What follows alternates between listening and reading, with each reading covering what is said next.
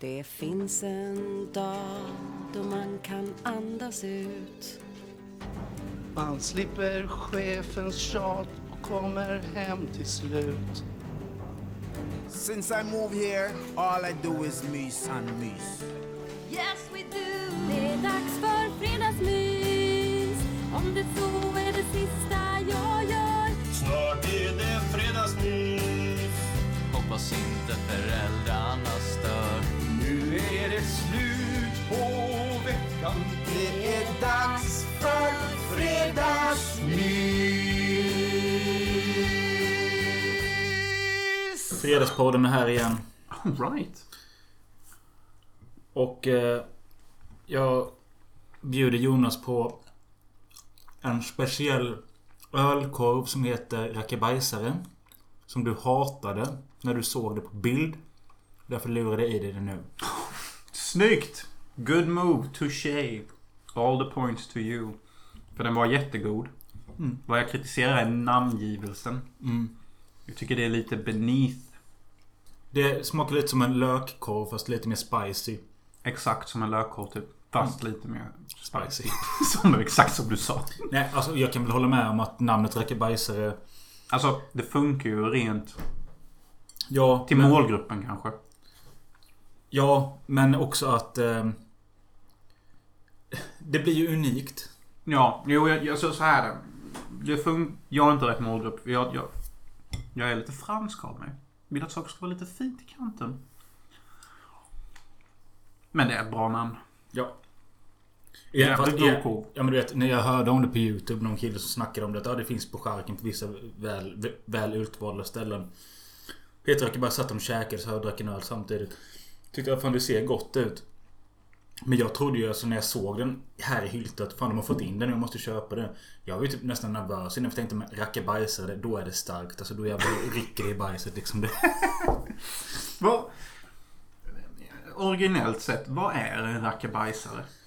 Ursäkta att podden får sig en liten lottig touch så här direkt. Men jag är nyfiken vad definitionen av rackabajsare. För att jag har hört det under min uppväxt. Mycket. Alltså för min del, när jag var liten så var det... Var det nog ett, alltså ett riktigt hårt fotbollsskott. Bara en rackabajsare rätt i krysset. Jaha. Eh, För mig var det mer, jag la nyss en riktig jävla rackabajsare i toan. Går inte in där på 40 minuter. Det är även slang för eh, snaps. Eh, det ett hårt skott i idrott, idrottssammanhang. Mm, då hade du rätt där. Mm. Snyggt. Eller då kryddiga ölkorvar smaksatta med cayennepeppar och vitlök. Varför har det då bajs i namnet? Jag vet inte. Eh, Men gott AF. Det passar ju perfekt när man dricker sånt för att det är så fettigt typ. Så det, det suger upp alkoholen på ett nice sätt. Nej men god. Jag får nog ge det en eh, 4,5 av 5 faktiskt. Mm. Tänker jag. Vet inte egentligen vad det är som saknas om jag ska vara helt ärlig. Kanske någon annan... En starkare eftersmak eller någon hint av citron. I don't know. Ja. Idag är vi lite oförberedda. Det enda vi vet vi ska prata om är att jag har läst Jonas manus Day of the Wom- Woman. Day of the Women. Women. Och vad är det en spin på? Eh, Filmvetare. På eh, filmen från 1978 som heter I Spit On Your Grave. Vars alternativa titel är Day of the Woman. Women. Woman. Woman. Ja, den skulle egentligen heta Day of the Woman. Och jag kommer ihåg när du och jag såg det. Vi båda bara wow. Det är en sjukt cool titel. Mm. Och sen dess har jag tänkt på att någon måste fan ta tillbaka den titeln typ. Alltså ja, absolut. Det är en grym titel. Sen I Spit On Your Grave kanske är lite mer slagkraftig. Den låter... Det passar ju filmens handlingen bättre. Ja, så jag förstår. Men att han kom på båda är ju... Mäktigt. Ja. Mäktigt. Eh, Och första Spit on Your Grave är faktiskt sevärd. Ja. Och remaken också. Absolut. Eh, De ska inte sopas under mattan. Och den tredje filmen i remake-serien. Är inte den bra? Jo, den är ju rätt Har inte häftig. vi sett den? Jo, men det är då hon har ju... Efter... Tjejen som blir våldtagen och hämnas i första filmen. Hon är inte med i andra filmen för då följer de en annan tjej. Den är rätt svag. Men i tredje filmen är tjejen från första filmen tillbaka. Och driver ett center för våldtagna kvinnor. Och de är ju vigilantes som går ut på kvällarna och dödar våldtäktsmän. Just det, är det inte hon som har såna jävla perfekta vita tänder i en scen? mycket möjligt. Eh. Jo men de bra. Vilken film är det med tjejer med perfekta vita tänder? För jag minns att när vi såg den scenen då sa du så här Shit jag ska ju till tandläkaren imorgon. Jag har väldigt selektiva så här specifika minnen typ. Eh, Men Jonas ville att jag skulle rada upp lite filmer jag sett på sistone så skulle han reagera på det. Ja men lite så här, lite så här casual. Dricka bajsa, vindricka. Classy movie moment guys. Kom igen, fram med dricka, fram med ölkorven. Jag bara hoppar bak här eh, några veckor. Eh, Jag såg den senaste Evil Dead, Evil Dead Rise. Vänta, Evil Dead? Evil Dead Rise, den utspelar sig i ett lägenhetskomplex. Ja just det, just det. Evil Dead-serien där med han ja. Vad heter han? Bruce Campbell. Thank you, Men thank han är you. inte med i den trupp. Nej, han är inte med i den. ja. Har du sett den med? Jag har sett Evil Dead Rise för några månader sedan. Allt jag minns, bokstavligen talat, är lägenhet, blod och en kvinna som kommer upp från en sjö i början. Och sen är allting bara en enda stor soppa. Jag såg filmen för tre veckor sedan. Det jag kommer ihåg är exakt det du sa. Och jag, jag blev lite förvånad att det var så pass mycket och bra gore. Men filmen var också ganska lättglömd, tydligen. Ja, för att den, den hoppar för fort in i action. Ja. Och du, både du och jag, Ja. hatar när filmer gör detta. När de är för, när de är för snabbt på betan. Kommer du ihåg den eh, svenska Mm. remaken av, av Evil Dead typ? Vittra hette den ju. Vittra ja. Perfekt exempel på vad vi hatar. Så här är det. Att om, någon, om, om karaktärer ska utsättas för en grej eller någonting. Vi, vi måste tycka om dem för att bry oss om dem. Om dramat händer för snabbt. Då är det så här. I really care if you die or don't die. Och det är problemet med denna filmen. Sen också att man inte... Man hinner inte komma in i filmen. Nej, precis. Det är ett stort problem. Eh, Om en film ska lyckas med detta, då får den nästan börja med actionet direkt. Alltså första minuten så att man, okej, det är en frantic story. och sen lugna ner sig och introducera lite... Exakt. Ja. Inte, inte så här typ göra både och. Nej. 10 minuter, sen action. Nej, nej, nej, nej. Eh, I samma eller ja, nästan i samma spår så är det ju den svenska skräckfilmen Feed. Producerad av Jockiboi. Eh, Han som alltid bär glasögon på sig hela tiden för att dölja att han tar koks antagligen. Ja, jag tror det att han har blivit nojig över sitt, sitt kändisskap och att han gjort en ögonsjukdom. Men i alla fall. Jaha. Eh, Sorry Jocke. Han eh, ville ju... Han kom, på, han kom på en idé till skräckfilmen Feed. Om influencers som åker till något eh, ställe för att campa. Eller glamping kallar de det. Det är la- glamorös Glamorös camping, ja. Ja. Han kom på den idén, snackade med en manusförfattare och regissör. De gör filmen, men han står som idéskapare och producent. För det är han som punkt in pengar i det. Eh, till en början så kände jag så här bara Fan, de har ändå fått till det här jag ändå har tänkt som vi aldrig har fått. Alltså en svensk slasher. Sommarmiljö. Stränder. Sjöar. Lite som vår idé det här med campingen som osade död. Ja. Li- lite åt det hållet. Och så bara i början så bara fan det här kanske kan bli någonting då. Tills karaktärerna börjar öppna käften och jag bara fan är detta? Nej, vad är de för karaktär? Nej men alltså det är de är ju influencers som är där för att göra... Vad är det för något ens de ska göra? Jo, jo, de ska se om det finns något spöke i sjön eller något sånt. Och de är bara otroligt störande och man tycker inte om någon av dem. Kanske en lite, men den är nog den som dör först. Som det brukar vara. Ja, Eh, visst är det ofta så. och så är det liksom... Jag vet inte riktigt vad jag ska säga om det men sen när, när den väl börjar gå mot sitt slut och man får reda på vem som är mördaren och det börjar ske lite mord. Så det är någon sån här lite who done it bakom det? Ja, alltså Varför det... heter den feed? Är det någon som matar någon eller? Hmm. För när, jag, när, när du skrev feed och du sa att du skulle se feed och du la upp världens jävla smörgåsbord som ett riktigt fetto. Då tyckte jag det var funny fuse. Ja. Typ, då tänkte jag att Jaha, det här feed handlar väl om någon som matar sina offer tills de spyr upp och dör, tänkte jag. Det finns en feed-film som handlar om det. Och det var den jag trodde du såg. Ja. Nej. Men... Eh, det, var alltså, tyvärr... Det började... Första fem minuterna var lovande. Sen blev det ett train wreck ner till helvetet. Men det hade något kul mod vet jag. Någon som satte en kniv under halsen och stack upp i munnen. Och det såg bra ut. Ja, för en svensk film kan ju det få cred. Men å andra sidan, jag hoppas ju kanske att det här blir ett startskott för att det kommer mer svensk. Av den här typen. Och vad hette den där svenska slashen vi inte har sett den? Det är det jag pratar om eller? Hade... Mm, Du sa det, var någon, det finns någon ny svensk slasher som kom. Är det feed? Ja. Jaha. Jaha. Jaha. Så sad jag blev. Eh, jag drog en omtitt av eh, Once upon a time in the West. Oh, oh, oh. En sån karaktär som du lär ju inte ha sett den på minst 14 år. Jag skulle sträcka mig till... Hur gammal är jag nu? Jag är 31. Sju år kanske. Alright, alright. Ja. Eh, och jag blev mindblown över Oh. hur... Alltså jag tyckte ju jättemycket om Linda med. Men jag tänkte att nu kommer jag nog känna att den kommer vara seg med sina nästan tre timmar. Och musiken har nästan... Den har nästan spelat så mycket att man har tröttnat på den. Men eh, när jag väl efter första... Det är ju en legendarisk öppningsscen med den här eh, de männen som sitter på... Jag kunde en gång i tiden alla de här tre. Så det, det, vad heter huvudpersonen här? Vad de heter. Nej, nej, vad heter huvudskådespelaren som är vår hjälte? Harmonica. Vad heter han? Charles Bronson. Charles Bronson skjuter ju ner tre västernlegender. Ja. De ska ju föreställa eh, den onde, den gode, den fule. Och Sergio Leone ville egentligen ha Lee Van Cleef, Clint Eastwood och Eli Wallach där.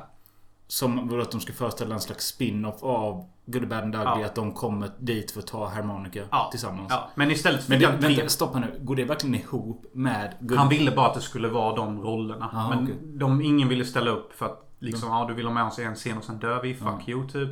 Men istället fick han tre andra legender som jag inte kan namnet på. Jag bara reagerar för det är en geting som surrar runt Jonas huvud. Jag vill inte att han ska bli stucken. Nej.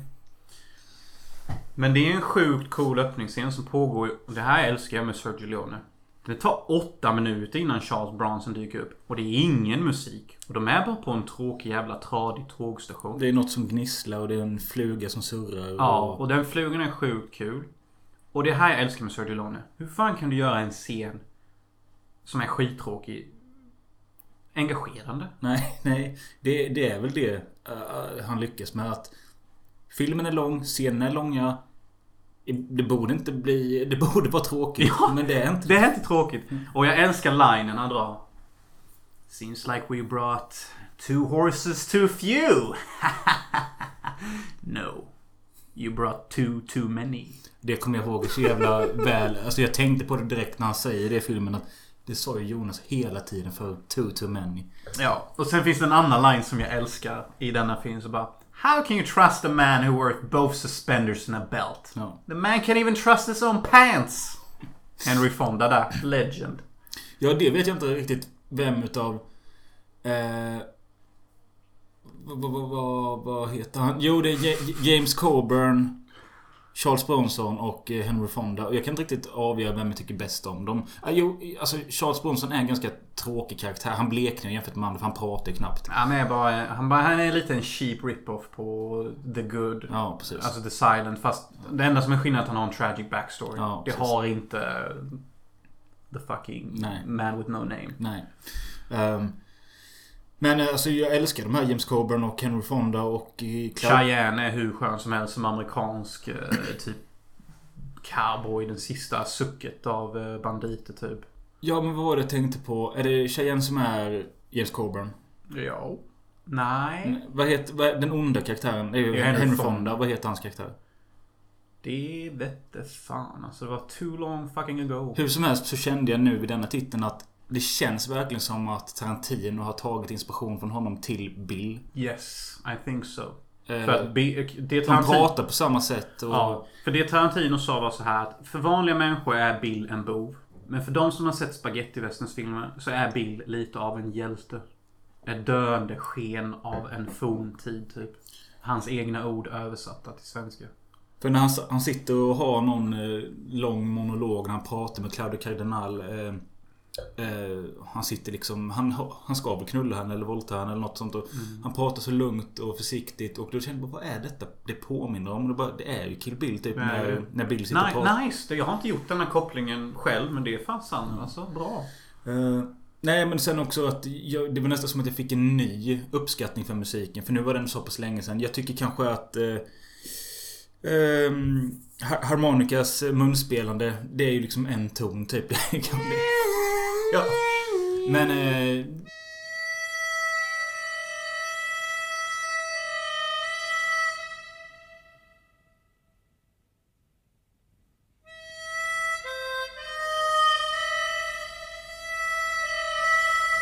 eh Cheyennes theme är ju skitbra. Nej, det är inte den. Det är Nej. den... Dom, dom, dom, dom. Ja, precis.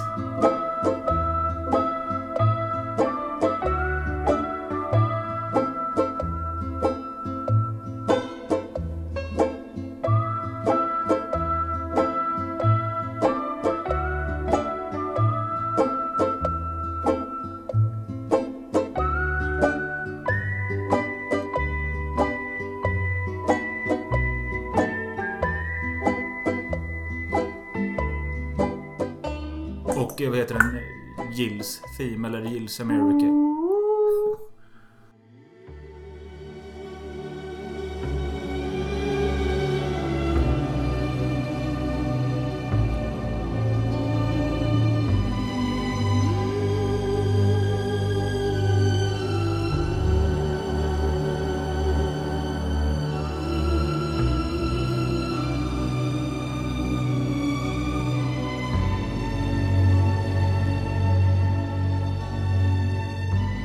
Skitsamma, jag tyckte fan den var asbra hela vägen igenom. Den är jättebra. Det är den faktiskt. Eh. Jag föredrar dock Onde Gode Fule. Och det absolut bästa i filmen, eller när Harmonicas theme funkar som bäst är när man får se Flashbacken och hans bror trilla ner med munspelet i slow motion. Det är då, mycket är det, bra. då är det kanon. Det är mycket bra. Eh, Filmen handlar ju om någon slags att Henry Fonras karaktär kan inte anpassa sig till den moderna tiden. Ja, så är det kanske. Det är, det är någonting han säger typ att Han dödar ju sin businesspartner för att ta över allting. Mm. Men sen så inser han misstaget och säger att Min forna businesspartner hade aldrig brytt sig om att han Harmonica var där ute och existerade. Men jag bryr mig om det. Och därför kommer aldrig jag lyckas som en businessman för att jag är fast i heden och i hämnden. En businessman bryr sig inte om sånt. Mm. Ja, jo. Det finns mycket sånt att hitta i filmen som är vackert. En annan grej som inte hade funkat idag, kommer du ihåg vad Cheyenne säger? Till eh, Claudia Cardinale. När de bygger tågstationen och han ber henne att gå ut och ge byggarbetarna vatten. Då säger han så här till henne. Om någon kniper Ja. dig i rumpan. Ja, just det. De har förtjänat det. Ja, precis. ja, Okej. men, ja, men jag, jag visst, det hade inte hållit idag. Men i sättet han säger det och i tidsandan det är. Du känner bara, ja, det har, Ja. de har arbetat hårt. Och, Ja, de har arbetat 12 timmar om dagen. De ser typ aldrig en kvinna. Nej. Hon är världens vackraste italienare. Ja. Du ska typ vara glad att de inte de våldtar dig. ja. Så får du bara en klapp på rumpan, då ska du vara... vara I realistiskt tankesätt utan att applicera moral. Så är detta korrekt. Ja. Men ska vi leva i moralernas länder, i metoo-landet och där allting är fint och grönt, då är det fel. Ja. Okej, är ni med nu? Ja. Men, eh, ja men Claudia Canal, eh, alltså kvinnor av hennes sort görs ju inte längre. Och då menar jag att hon är... Ja. Nej men hon utstrålar både elegans, hon Mm. är snygg, vacker. Mm. Men också en... Hon... Hårdhet. Ja, en Hon har hårdhet. en Hon, hon har en karaktär. Hon Mm. har... Och, och detta du säger nu är så jävla bra. För vill du veta vad Sergio Leone, den jävla perversa jäveln, ville göra? Nej. Du vet första gången man ser hennes karaktär hon stiger ut från eh, Ja. tåget. Som är en jättefin scen. Då sa Sergio Leone att han ville ha världens djupaste grodvinkel. Alltså en riktigt djup undervinkel som filmade under hennes kjol och man skulle se att inte hon hade några trosor. Och Claudia Cronales hade, sa det ett starkt nej till detta. Hårdheten kommer in. Ja. Både i karaktär och i verkligheten. Ja. Så du har ju rätt i det du säger. Ja. Hon är ju en kvinna av sin tid och sin sort. Men vad jag menar, det man får nu i dagens filmer. Du kan få en supersexig, härlig tjej. Eh, men då bleknar hon i sitt skådespel. Ofta samtidigt. Ja. Eller så får du någon som är jätteduktig så ser den ut som en påse skridskor. Ja. Här får du... Både.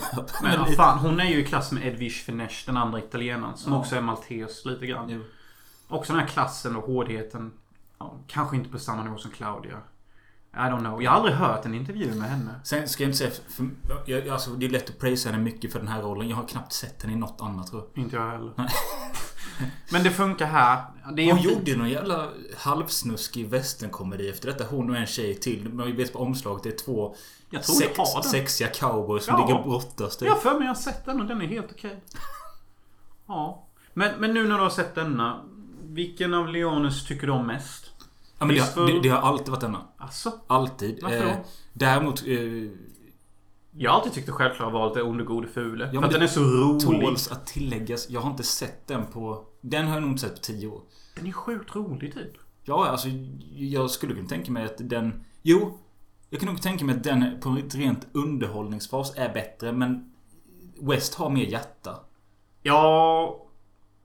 Ja, jo det får jag nog ge faktiskt. Sen de två man alltid glömmer att de existerar, i alla fall jag, det är Fistful of Dynamite. Som också heter Duck Oh, your great grand glorious hero of the revolution. det är ju den man kommer För det är väl en lite inofficiell trilogi är ju med början av Fistful of Dynamite. Once Nej, jo, Once upon Pistol of Dynamite, Once upon a time in the West och sen Once upon a time in America. Ja. Det är en trilogi. Men ingen fattar det. Men du, jag tror det är fel. Jag tror det börjar med West och sen Fistful of Jo, Dynamite. så är det ja. Sant, sant, sant. Jag gillar Fist of Dynamite jättemycket för jag tycker att den är jättecharmigt med alla flashbacks. Jag förstår ju dock att vi inte hör så mycket om den för den är jätteudda och psykedelisk jämfört med de andra. Ja. För att det är, så- alltså, om man bara lyssnar på hur James Coburn och Rod Steiger pratar med varandra. Det är ju för fan typ slapstick. Oh, you're a great grand glorious hero of the revolution and you're like a mercenary coming here with your fancy dynamite. Det är ju typ... Det är lite speciellt faktiskt. Ja. Och sen bara... Just like those damn niggers. Back home in Oklahoma. Just like those... Alltså det, det finns någon jättepsykedelisk scen. Animals. Animals. Ja, det finns en jättepsykedelisk scen i Fistful Dynamite när Rod Steiger låtsas vara en jävla uteliggare och han lyckas nästla sig in i en rikemansvan. Och det finns åtta rika miffon där. Som bara pratar skit och det klipps skitpsykedeliskt typ. Närbild på munnar vet jag. Ja, just like those damn niggers. Back home in Oklahoma. Men också Animals. öppnar inte hela filmen med att någon pissar på myrstack också? Jo, det är Rod Steiger typ. Och det var också någon sån form av filosofi att egentligen handlar revolution bara om att vi pissar på det lilla folket. Det är de rika som styr alla till att döda varandra. Det är verkligen pissa på myror typ. Det finns jättemycket symbolik i Sergio Leones filmer. Som bara flyger över huvudet. Så den... Och det är därför man inte kommer ihåg Fistful of Dollars och For a Few Dollars More. För de har ingen symbolik. Det är bara enkla västernhistorier om män som vill ha pengar. Det är inte förrän Onde Gode Fule kommer in och de andra som han blir lite mer deep. Men eh, America... Den var också länge sedan jag såg. Men den är ju bara the fucking rape the movie. Det- Varje gång en kvinna är med i den filmen så ska pojkarna alltid våldta tjejen. Ja. Jo, lite så är det kanske. Den är kinky. På fel sätt. Men är det inte så i den filmen med att de har valt eh, Jennifer Connelly när hon är... När, när tjejen är ung så spelar som en söt Jennifer Connelly. När hon är gammal så spelar som en... Hon ser ju ut Som... som du skulle sagt en påse skridskor typ. Det ser ut som någon har slungat en påse skridskor i hennes face. Och jag fattar. Nej, alltså. Den har många... Den har intressanta scener. Speciellt slutet med den här sopbilen. Det är ju något som sätter sig fast i huvudet. Ja. Vad, vad fan är det som händer? Det är jätteskevt och det är... Ja. Speciellt sista scenen där när, när James Woods. James Woods, ja. James Woods, för er kids, gjorde rösten till Hades i Hercules som kom 97. Så nu är ni med på kartan där. Ja, vi kan inte fastna i Leone. Eh, Nej, men han, han är fan fortfarande värd att prata om. Han kan sina närbilder och han vet hur man... Om vi ska jämföra honom och Dario Argento.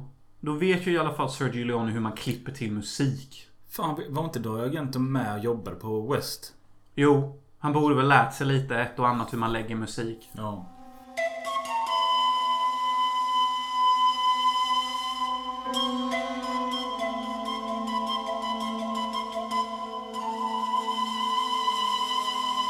Skitsamma. Ska vi hugga in på det som är dagens riktiga samtal som är... Eh, eh, Lite kul att vi ändå har snackat om filmlegender och filmskit och så ska vi bygga upp till detta. Det passar ju. Ja, nu är det så här att jag har ju läst Jonas filmmanus och eh, nu problemet för att det var väldigt länge sedan jag började läsa det. Mm. Så minnet är inte helt hundra men jag har ju förstått den stora bilden av det. Jag för mig att jag gjorde några notes någonstans. eh, Ja, tror du att du hade klarat att återberätta handlingen? För jag har alltid svårt att göra det på min egna film. För att jag fokuserar alltid på olika saker varje gång jag återberättar handlingen.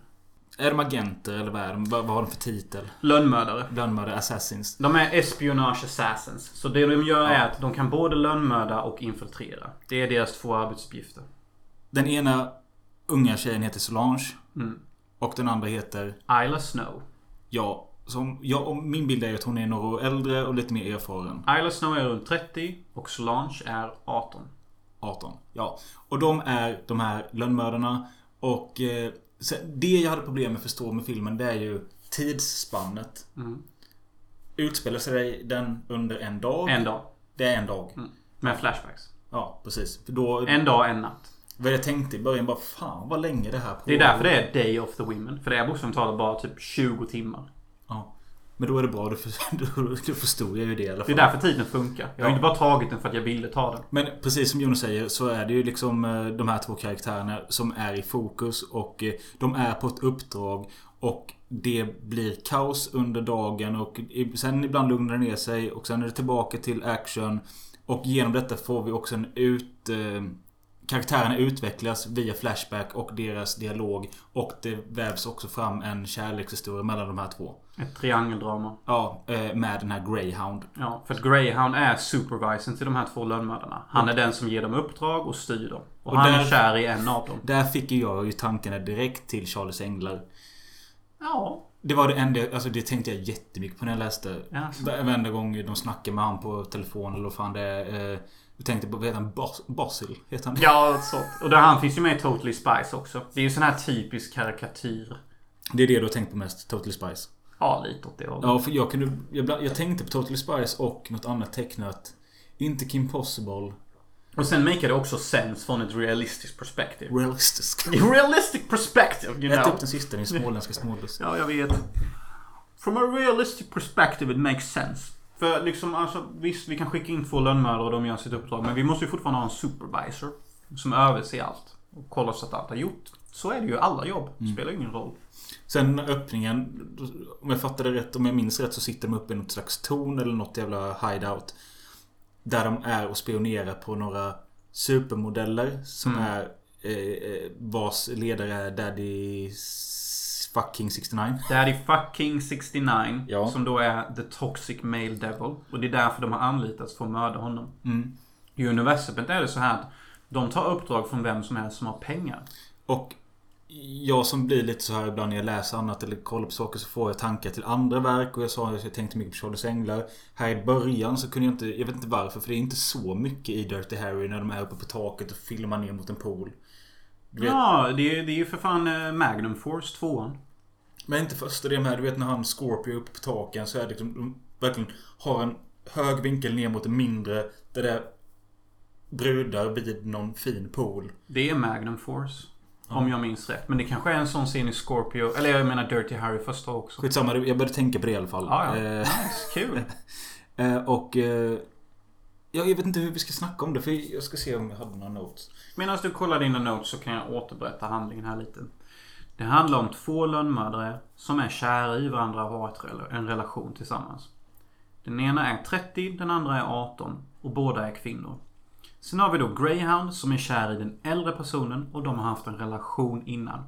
Han försöker splitta på de här två genom hela filmen med manipulationsknep.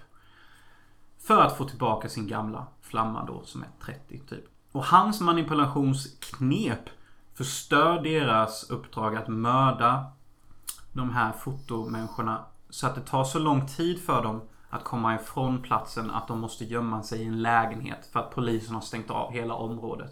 Så hans svartsjuka har försatt alla i problem.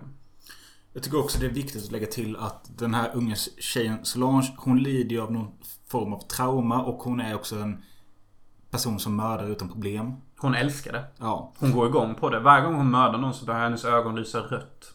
Och det är ett mysterium i filmen som får upplösning senare. Ja. Eh, jag gillade nog Solanges karaktär mest. Ja, det förstår jag. Ja. Eh, Eller varför då förresten? Ja, men jag tyckte det var kul. Alltså, jag, jag som är lite i vanliga fall anti det här med röda ögon och allt skit. Alltså, kort och gott kan jag säga det att när jag väl hade läst klart allting så bara kände jag bara det här, det här kommer vara en rolig film. Thank you! That's what I'm saying! Wow! Eh, och jag blev ändå... Jag trodde det skulle vara mer grafisk eh, fokus på kvinnor. Eh, alltså naket och knull och skit. Men de få sexgrejerna det är, är ändå så pass smakfulla. Det var det som var min tanke. Att jag tycker att det är liksom... motsatsen till uncalled for. Exakt. Ca- Called for. Jag ville att det skulle vara romantiskt och fint. Jag ville fånga hur kärlek känns. Det var någon scen där hon gick hon eller sprang hon naken med... Eller hade hon någonting på sig? Nej men det var någonting naket som jag reagerade på. Vad fan var det? Inte badkar, inte... Ja, förresten, var, är de nakna i badkaret? De har bikinis på sig eller Ja. t-shirts eller något. Eh, Det är någonting i början i filmen. ja. Och du vet inte själv? Jo, jo. Jaha. I början av filmen så är de i ett svart inte som jag kallar det. Mm. så kallat Black Void. Uh, och då, då är de ju uppklädda i ballettkläder. Och de skjuter ner massa och sen så börjar de hångla i ett svart inte typ. Mm. Men de är ju inte nakna där heller. Nej, jo, det är inte det för att de rycker av och då får man se brösten typ. Det är nog fan inte det jag tänker på heller. Vad tänker du på? Jag tror inte det är något naket i denna filmen. Jag funderade på att ha det. Men kan det vara någonting när... Nej fast det var det inte naket heller. Jag tänker på när man får flashbacks till hennes tonårsrum. Hon sitter där med ponytails och... Jo, jo, jo, jo. Det är lite såhär Powerpuff Girls stämning. Då fick jag lite så här bara... Ah, det här kanske är... Det var lite- nog sättet jag beskrev det på. Ja. Att jag specifikt tonade på att hon skulle ha ponytails och vara en 16-åring i sitt rum som läser typ Modesty X-Plays. Att hon vill bli agent. Och sen så visar det sig att hon blir bortrövad samma kväll av utomjordingar. Eller Eh, en specifik utomjording. Jag tyckte det var kul att du hade tagit upp eh, i början av filmen. Jag, det första, min första anteckning vet jag inte vad den betyder längre för det var så länge sedan jag gjorde Jag den. kanske kan tolka den. Ja men alltså det jag skrivit inom parentes Not really entertained. I vilket sammanhang är det? Alltså det är ingenting jag tycker utan vad är det som händer i manuset när det står Not really entertained? Jaha! Jo, för de här modellerna då. Det är ju två modeller. Ja. Och de leds ju av Daddy 69 som är en excentrisk jävel. Och Daddy 69 är ju baserad på Andrew Tate och boven från Four of the Apocalypse. Eh, Ja, just det. Vad fan är det han heter? Som är spelad av Thomas guden. Millian. Thomas Millian är gud, ja. Alltså, om jag måste peka på någon människa som är gud. Det är det. Thomas Millian. Ja. Lätt. Så den är ju baserad, alltså hans karaktär är baserad på honom och Tate. Och han är så jävla macho. Alltså när efter fotosessionen är done, då säger han cocksucking awesome. This was cocksucking awesome girls. Let's do some cocktails baby. Och då säger ju en av modellerna då som är lite mer mogen. Not really entertained by you. För att hon är bara där för att få sin lön och sticka.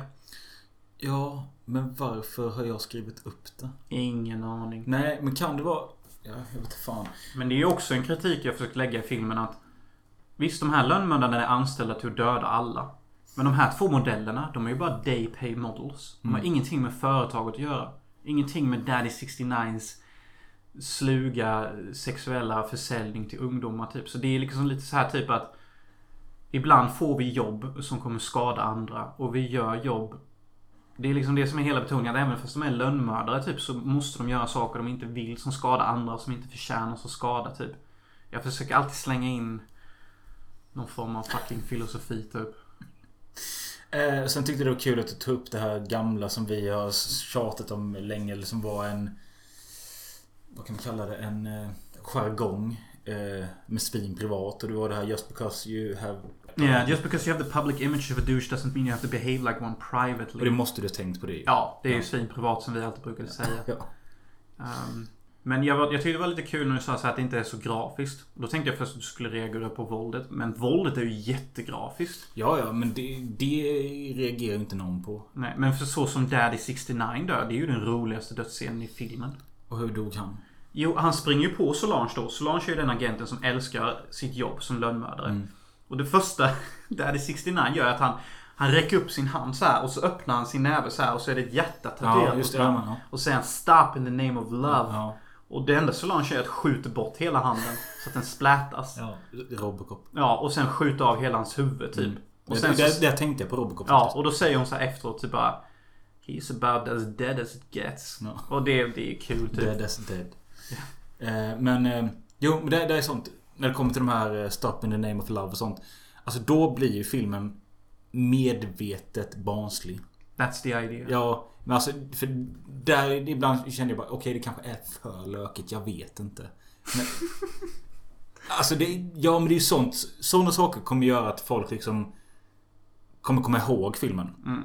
Men sen om jag vet inte om det blir för mycket. Det, det finns ett par, tre, fyra stycken sådana gånger bara, nej nu, nu gick det för långt. Jo, jo, jo. Men det är också det som är hela grejen. Hur tycker du utomjordingen funkar? Du är ju alltid anti utomjording och Ja, aliens. Jag ska bara säga.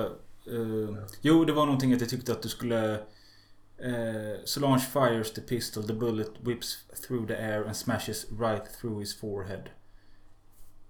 Detta är ganska tidigt i filmen. Och är det någon som spelar datorspel samtidigt eller? Mm. Ja, där tycker jag att du borde lägga till ljudet av headshot. Ja, det är ju skitkul. Så är det. Det är, en sekreterarvakt som egentligen ska vakta och han sitter och spelar Counter-Strike Ja. typ och har inte någon koll alls. Så det är jättelätt för Solange att bara skjuta i huvudet. Ja. Men det är ju skitkul om man lägger till headshots Ja. samtidigt. Så han, han dör i spelet samtidigt som han dör i verkligheten. Jag tyckte det var... Suverän idé. Ja. Fuck att jag inte tänkte på det. Helt brilliant. Eh, Ja, det som också... Solange whistle to de andra. Jaha, ja men det var nog att jag tyckte det var, Jag tyckte det var bra att eh, du, även om filmen görs på engelska, att du väljer att slänga in Kents låt de andra och det är en känd visselmelodi. Ja. För efter hon har dödat Daddy 69 så börjar hon sjunga, vissla på de andra. Och då tar också låten över. För att liksom nu har vi haft så mycket action och våld att nu behöver vi en låt som lär oss sjunka in i storyn. Och de andra handlar ju nästan lite om vad filmen handlar om. Typ vad kommer vi bli som andra? Kommer jag finna kärleken i denna störda person eller vad fan låten sjunger om? Så det är ju genomtänkt. Eh, sen eh, jag reagerade lite på de spanska orden. jag, eh, Spanska ord.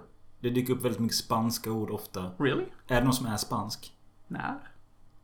Väldigt ofta så dyker det upp eh, spanska fraser. Really? Saker som du... Jag, jag, jag jag ser det framför mig hur du... Precis när du har träffat eh, ditt ex. Liksom att... Åh, mi Jaha. amor, amigo. ah." Jaha, jo, men det var för att jag bestämde mig för att den jag vill casta som Isla Snow är faktiskt en supersnygg latina som gick i min skådespelarklass. Och om jag castar henne och hon blir rollen, då maker det sense att ha lite latinska fraser. Så det var så jag tänkte där. Däremot Solange är Russian. As always, I can't stay away from them. Nej. Men om det inte blir hon utan blir en annan ryss eller något, då kommer jag ta bort de latinska fraserna. Så det var så jag tänkte. För jag, jag tycker det är lite samma sak som med, med handen där. Att det blir liksom... Vadå? Mi amor? No. Men om du tänker att hon är en supersnygg latina, då make ju det sense. Kanske. Mm. His pervert, pervert lesbian fantasy about exotic agents or something. I don't know. Mm. Jo, det finns ju en jättefin gullig datingscen mellan Solange och Isla Snow och huvudpersoner. Där de sitter på en klippa i Malta på, vid havet. Och typ bondar. Och då frågar ju Solange typ varför anordnade Greyhound denna dejten? Och då säger vår andra huvudperson nej men alltså han är ju bara en pervers filmregissör som vill att det ska bli hans jävla fantasi typ. Och det är det som är hela Greyhounds koncept. Typ att han lever i en fantasivärld. Solange gets red, very red. A close-up of eye and reddish cheek reveals Mm. it. The song sings Is this burning an eternal flame. Det tyckte jag var bra med. Mm. Eh, och eh, det finns en mysscen där tjejerna håller på med varandra tills en orm kommer fram och attackerar. Det tyckte jag var skitbra. Jag visste att du skulle gilla det. Lite djurskräck sådär. Ja. Ja. ja, den är nice. Jag älskar också den scenen. Eh, Ninja Angel of Death. You like my ninja angel of death. För att hon hugger ju av huvudet på ormen som en riktig ninja. Och det gör ju... Jag tror jag skrivit upp de här fraserna för jag tycker de är för mycket. Ja, jo. Det där kan man ju justera lite. Det är inte så viktigt typ. Och där skrev jag upp det där med two ponytails dressed in a red tank top. This is past and Solange is like 15. eh, Cool it. Cool your pants Jonas. Men det jag kan säga med att de här tillbakablickarna. Jag såg det verkligen framför mig att man gör ett fint flickrum och hon sitter där och... Det, jag ser ju att det ser gulligt ut. Mm, det är det som är idén typ. Hon är besatt av agentlivet typ. Och här är också en sån jag tyckte det blev lite för mycket. Just one guy, that was like 30 fucking bullets. Talk about suppressed emotions. Jeez Louise. Jo men det är ju för att hon skjuter en kille 30 gånger typ. Hon fattar inte det sammanhanget typ. Jeez Louise. Eh, ja och just ja, det här... det är bara line där. It was a firefight. Har du tänkt då på Boondock Saints? Ja. eller? Om du tänker, om du läser hela filmen. Ja, en det- riktig filmvetare kan ju se att jag har snott 20 lines. Ja. Jag har snott från Highlander, Goldeneye. Vad fan heter den filmen? Boondock Boondock Saints. Men då vill jag... Alltså, det där... där, där kändes det som att hon skulle säga det väldigt lugnt. Hon borde ju göra ett likadant utspel som William Dafoe. It was a fire Kanske fire. faktiskt. Det, det kan funka typ. Men det är det som är hela grejen Det är ju också. det bästa i hela Boondock Saints. Den är bra fan. Den är riktigt bra egentligen. Ja, du har rätt där. Ja. Och tänkte du inte på att Solange också heter Facil i efternamn? Jo, jag vet. ju. Facil. Ja, Wait. wait. Exakt. Från Highlander. Där ja. Eh, ja, något annat jag tyckte. Det blev lite för mycket för mig som inte är intresserad. Så blev det lite för mycket vapensnack. Det liksom ska snackas hur man laddar en AK-47 och trycker upp en Magnum 377. Och allting ska liksom... Alltså, ja, jag förstår. Alltså, det, detta är ju bara beskrivningen. Det är ju ingenting de säger. inte, ibland så nämns det också. Ah. Och... det är ju bara för riktiga nördar. Typ Jag vet, jag vet. I got my PPK. And your James. Bond. Men jag försökte också få in det här typ att Det är någonting som jag hoppas du reagerade på att de här, de här agenterna är ekonomiskt pressade. För huvudpersonen reagerar alltid på att allting kostar. Typ hon klagar på att vi, vi, får inte, vi får inte betalt för att vi dödar mer än vad vi ska. Vi får inte så här. Vi måste betala för våra vapen och kulor själv. Så för varje kula jag missar förlorar jag min ekonomiska kompensation. Så filmen handlar ju om den ekonomiska pressen av att leva nu. Det är ju liksom det som är ett av temat. Typ att även lönnmördare har ekonomiska bekymmer. För de måste betala för sina fucking kulor själv. Eh, filmens eh, snyggaste scen, om du får till det. Alright, detta blir Uh, spännande. a female scuba diver swimming in distance towards us in the bathtub. Exakt. Och det fejdas där. Mm. Det kan bli hur snyggt som helst. Exakt, och du har aldrig sett det i en annan film. Nej, Exakt. Och då, då, för att förklara då att de här två tjejerna sitter i ett badkar och så går kameran närmare vattnet i Ja, badkaret. den sjunker liksom ner så Ja. man är under vattnet. Och sen så fejdar man in en simmare som simmar. Och så har vi då klippt Kommer till, havet. ja, precis.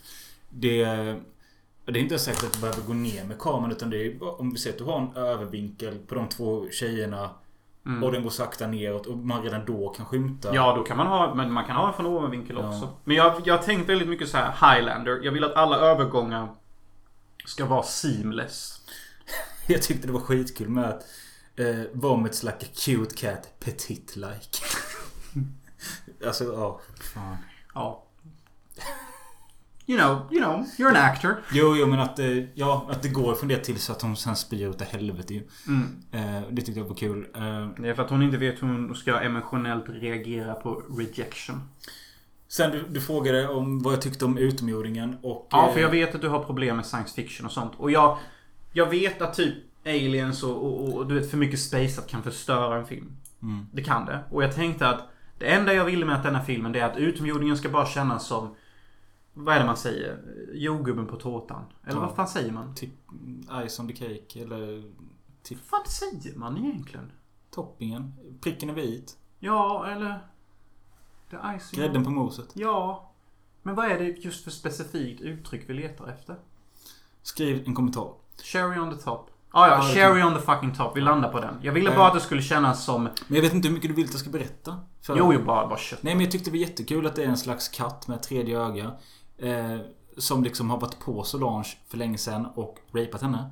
Ja, något sånt. Antar jag. Han har gjort experiment på henne. Ja. Det är utomjordingen som ligger bakom att hon älskar att mörda. Ja men Så- det är väl tack vare det men hon får de röda ögonen. Ja, och detta är lite en hint till eh, eh, Conan the Barbarian. Mhm. För han säger ju så att Anledningen till att du är så stark och mäktig på att döda folk, det är för att jag dödade din fossa. Och utan mig är du ingenting.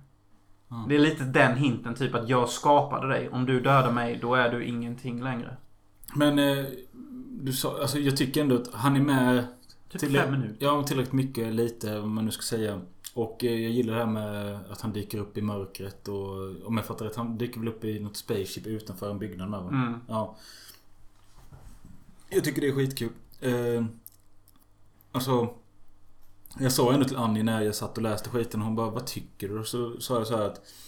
Jag tycker det är ganska jobbigt att läsa det men jag ser ju filmen framför mig och den vill jag ju se. Oh yeah! Eh, I just creamed a little. Ja, jag vill ju inte smeka lite redan för stor ego heller.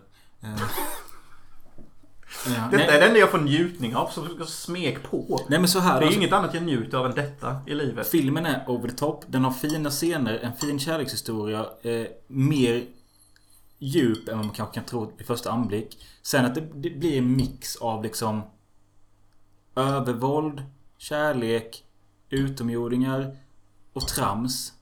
Med liksom, då syftar jag på de här Stop in the name of love och sånt. Ja.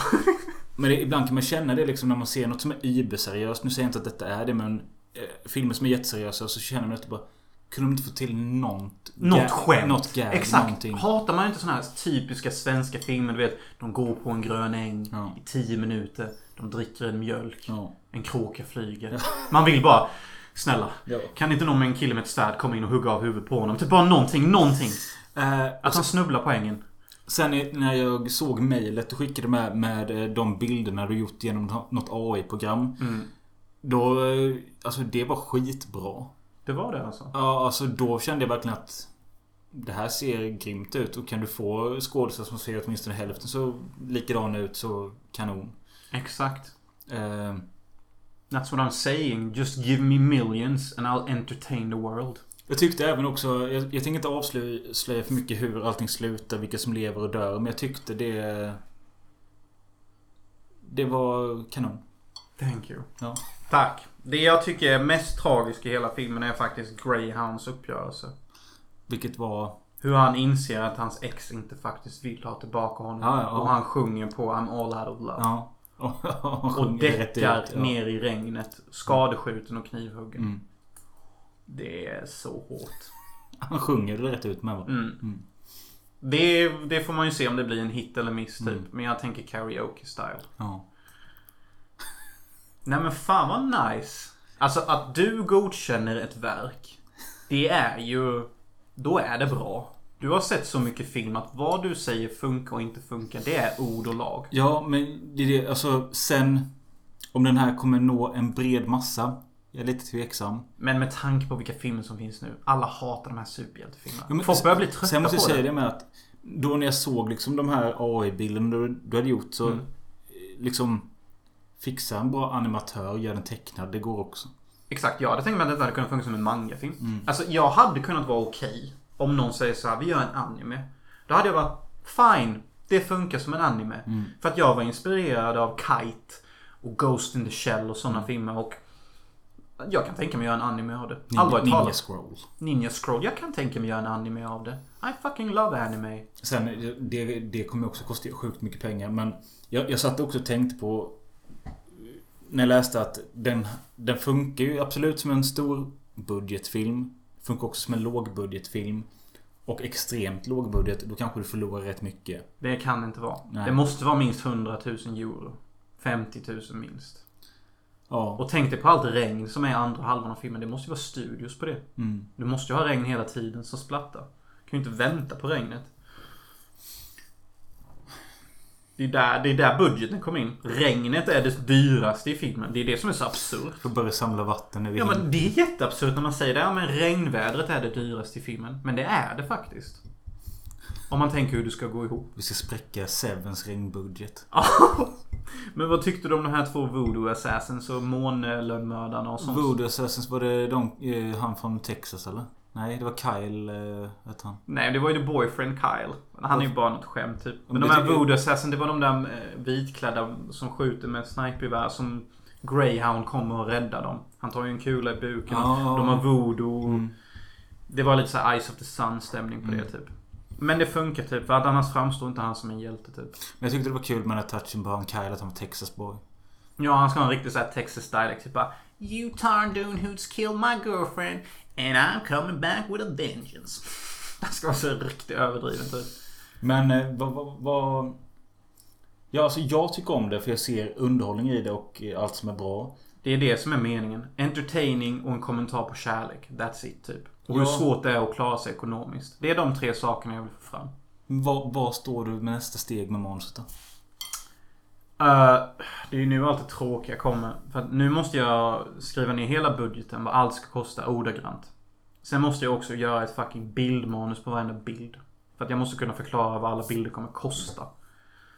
Och sen måste jag också presentera en form av businessstrategi. Hur man lanserar den och sån skit. Och så fort allt det här är färdigt. Då kan jag kontakta en producent. För så här är det. Jag har typ noll cash. Producenter har typ 10 million säger vi. Om inte jag vet hur exakt allting ska se ut och exakt vad allting ska kosta. Då kommer de tänka så här. Han har ingen respekt för mina pengar. Nej. Det är, det, du kan köpa det Ja, också. visst. Så det är nästa steg. Men nu fick jag ju något jävla damp och skrev en bok under tiden. Så då får jag göra färdigt det först. Men eh, kan du inte göra en eh, nollbudget-variant av tre scener ur filmen då? Jo. Och visa detta att så här fast med pengar. Ja, jo det kan jag också göra.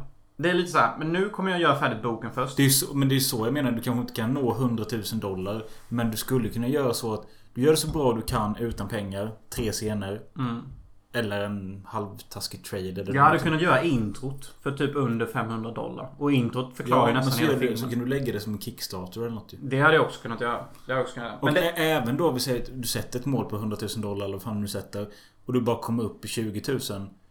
Då ska du ändå ta de pengarna och låta det gå till projektet. Mm. Då har du dem. mm, Och säga att så här många var i alla fall intresserade av filmen. mm. Nu behöver jag resten få ner. Det här är en bra idé också. Det är en suverän idé. Från en skala 1 till 10 där 10 är masterpiece. Vi snackar Once upon a time in the West, American Psycho, Goldeneye. Ja, någon till. Mm. Hur långt ifrån skalan är den mästerverket?